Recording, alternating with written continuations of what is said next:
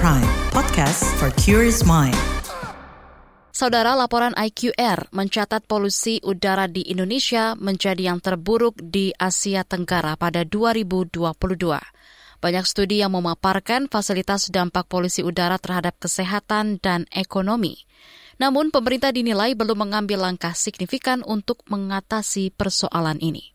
Simak perbincangan jurnalis KBR Valda Kustarini bersama juru kampanye iklim dan energi Greenpeace Indonesia, Bondan Andriano. Oke Mas Bondan, pencemaran udara kan sudah lama jadi concern publik dunia ya. Polusi udara juga sering disebut sebagai silent killer, dan Greenpeace sebagai organisasi lingkungan pasti juga memberi perhatian serius. Nah, kalau di Indonesia, khususnya di Jakarta, seperti apa sih perkembangan isu ini? Kita awal kampanye pemerintah tuh belum mengukur PM2,5 diwajibkan diukur. Jadi ISPU itu peraturan ISPU indeks standar pencemar udara hanya mengukur polutan dari mulai PM10, kemudian SO2, NO2, CO tanpa PM2,5 karena itu belum wajib diukur. Sehingga kita kampanye waktu itu 2017 kita aksi di Menteri Kesehatan dan KLHK gitu ya. Respon utama kementerian itu ya mereka bilang ya PM2,5 memang belum wajib diukur gitu karena belum ada aturannya, payung hukumnya belum ada. Akhirnya 2020 akhirnya ISPU mewajibkan PM2,5 untuk diukur. Jadi peraturannya setelah kita kampanye sejak 2017, akhirnya 2020, 2021, dan 2022 banyak perbaikan sebenarnya. Bahkan juga alat pantaunya PM2,5 itu mulai dipasang sejak 2018 kalau nggak salah. 2018 atau 2019. Sebelum lebih jauh, boleh dijelasin nggak kenapa sih polusi partikel halus atau PM2,5 ini selalu jadi concern? Ya, jadi dunia global itu kan sekarang sudah bisa mendeteksi polusi udara itu dengan berbagai teknologi yang ada dan mengkategorikan sumber pencemar udara itu polutannya berasal dari mana. Katakanlah secara garis besar memang polutan polusi udara itu dibagi dua, yaitu gas dan debu partikulatnya. Karena sekarang makin canggihnya ternyata debu pun bisa dikategorikan lagi. Debu yang besar yang disebut dengan TSP, total suspended partikulat. Kemudian debu yang agak kecil lagi, debu PM10. PM itu adalah partikulat meter, debu-debu kecil ya, yang ukuran 10 mikron. Makin kecilnya lagi ternyata udah bisa diukur lagi nih, ternyata ada polutan yang berukuran 2,5 mikron. Kenapa itu sangat berbahaya? Karena itu adalah debu. Jadi ketika kita hirup si polutan itu ke dalam tubuh, kita akan mendapatkan PM2,5 di dalam tubuh kita selamanya. Dia nggak akan hilang. Dia akan menempel tergantung si tubuh manusia yang ada di dalamnya. Bisa nempel di jaringan darah, ini akan menyebabkan stroke, bisa menempel di jantung, bisa menyebabkan kanker, dan otak bisa menyebabkan kanker otak, kanker paru, dan segala macam. Dan itu yang bahkan sekarang PM2,5 itu sudah banyak risetnya dampaknya kepada tingkat kesuburan. Di Cina sudah ada riset mengenai PM2,5 korelasinya dengan tingkat kecerdasan anak. PM2,5 ini ya tadi debu kecil ya yang berukuran 2,5 mikron. Saking kecilnya dia, dia bisa masuk dalam tubuh dan masuk dalam aliran darah dan masuk dalam otak dan ke seluruh jaringan tubuh sebenarnya. Ketika kita sudah masuk dalam jantung, dia kan akan dipompa ke mana saja gitu. PM2,5 ini sumbernya dari mana aja sih?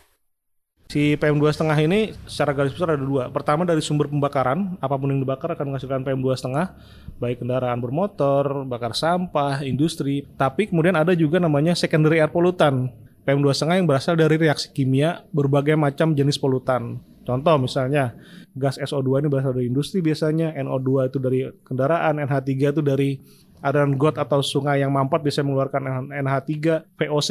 VOC itu adalah kalau kita lagi isi bensin tuh pas buka kelihatan kan kayak fata morgana itu adalah VOC-nya. Nah, ketika semua gas itu ke udara dan kondisi panas tinggi ya, kemudian kering, dia bisa menjadi PM2,5 di udara.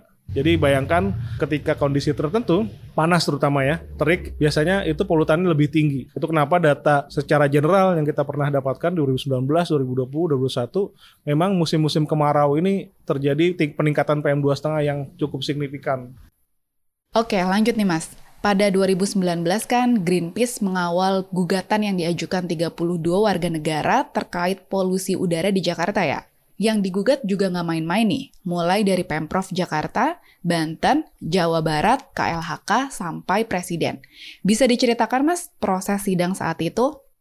Cukup alot, tantangannya adalah di situ sulitnya mencari ahli untuk mengatakan polusi udara ini ya berbahaya bagi kesehatan karena di dalam sidang itu Menteri Kesehatan selalu dalam tanda kutip berkilah bahwa dampak kesehatan itu sangat banyak variabelnya. Jadi polusi udara tidak langsung bisa direlasikan orang meninggal atau sakit gara-gara polusi udara.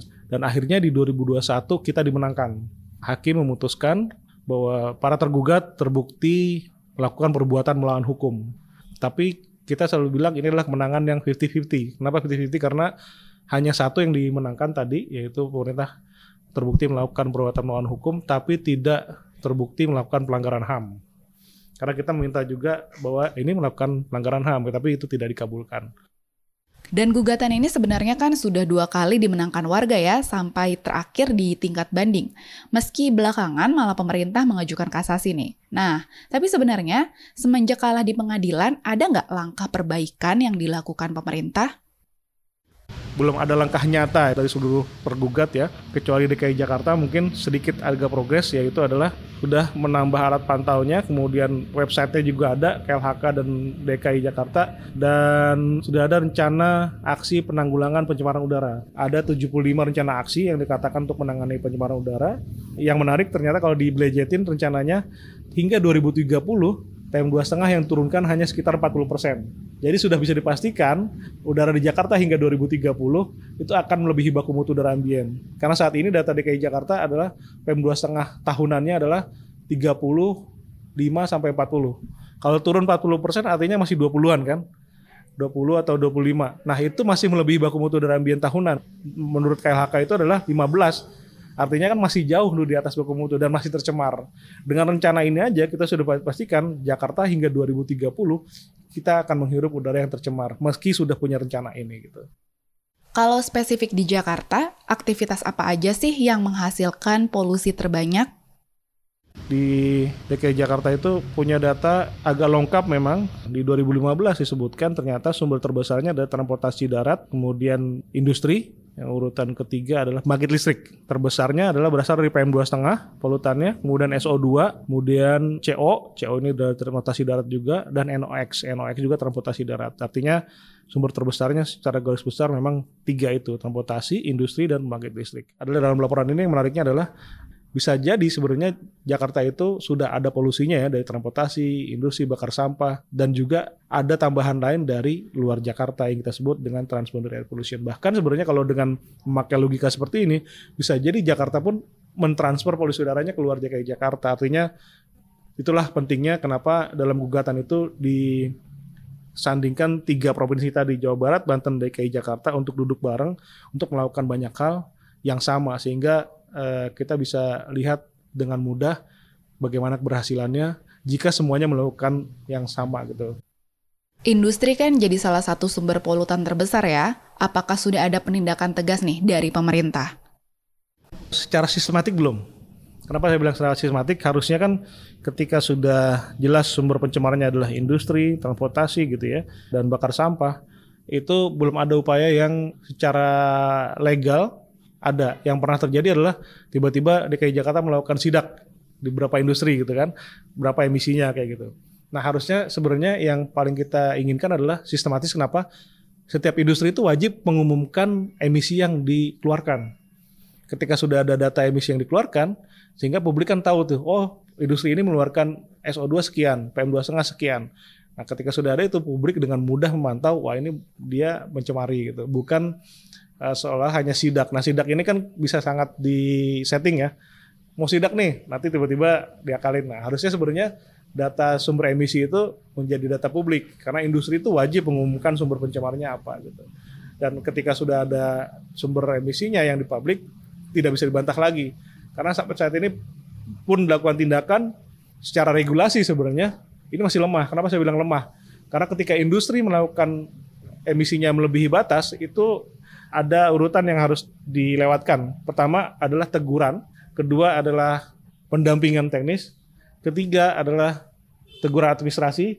Jadi belum ada langsung tutup ketika jelas dia melebihi baku mutunya. Nah harusnya kan kalau sudah tegas peraturannya itu tidak bertahap seperti itu. Kalau jelas melebihi baku mutu ya sudah tutup kayak gitu. Nah ini kita bilang secara sistematis memang seolah-olah industri itu masih dalam tanda kutip dilindungi ketika mereka melakukan pelanggaran atau melebihi emisinya di ambang batas kayak gitu. polusi udara ini pasti punya dampak dari segi ekonomi. Ada risetnya nggak mas? Kira-kira berapa angka kerugiannya? Kita pernah bikin riset namanya real time cost counter itu menghitung dampak polutan PM2,5 ya di Jakarta kaitannya dengan uh, kematian dini dan kerugian ekonomi, potensial lossnya gitu. Di 2020 kemarin kita temukan ada mungkin kematian dini itu sekitar 13.000 jiwa dan potensi uh, ekonominya sekitar 49,5 triliun. Ini rupiah ya kalau dirupiahkan. Ini 2020 dan ini terus akan bertambah sebenarnya 2021 dan 2022. Nah, ini seiring dengan yang kita bikin bikin riset itu ternyata DKI Jakarta juga bikin riset yang hampir sama. Kalau tadi kita 49,5 triliun, di DKI Jakarta itu pernah riset juga di 2015 kalau nggak salah itu mengatakan estimasi biaya orang yang berobat ke rumah sakit itu itu sekitar 38,5 triliun. Orang yang ke rumah sakit akibat polusi udara, misalnya batuk, kemudian asma dan segala macam ya. Ini adalah biayanya saja. Belum menghitung orang ongkos ke rumah sakitnya, belum menghitung orang yang menjaganya ya. Dan diestimasikan di 2020 itu mencapai 60,8 triliun. Angkanya hampir mirip ya dengan yang Greenpeace estimasi di 2020 ini 49,5 triliun. Artinya Nah itu kerugian ekonomi yang nyata ketika PM2,5 atau polutan itu dibiarkan dan kita akan terus merasakan ini dan loss ini akan terus kita rasakan gitu. Bagi masyarakat nih, mitigasi apa yang bisa dilakukan secara mandiri untuk mencegah dampak buruk polusi udara? Ya, mengingat pemerintah lamban bergerak. Ketika data resminya sudah mengatakan tidak sehat, pertama yang dilakukan harusnya ada edukasi atau warning ya pada masyarakat untuk melindungi minimal terpapar dari polusi udara. Pertama pakai masker ya, kenapa? Karena ada masker yang sekarang eh, masker N95 mungkin sekarang udah mulai banyak kenal karena pandemi ya. Kenapa dibilang N95? Dia bisa memfilter si PM2,5 hingga 95 persen. Itu satu. Yang kedua sebenarnya ketika kita di dalam ruangan perlu juga sebenarnya kita pasang air purifier filter filtrasi udara sebenarnya. Sehingga kita bisa terlindung ketika di dalam ruangan. Di, di luar ruangan itu tidak sehat di dalam ruangan itu kita bisa filtrasi dengan si air purifier tadi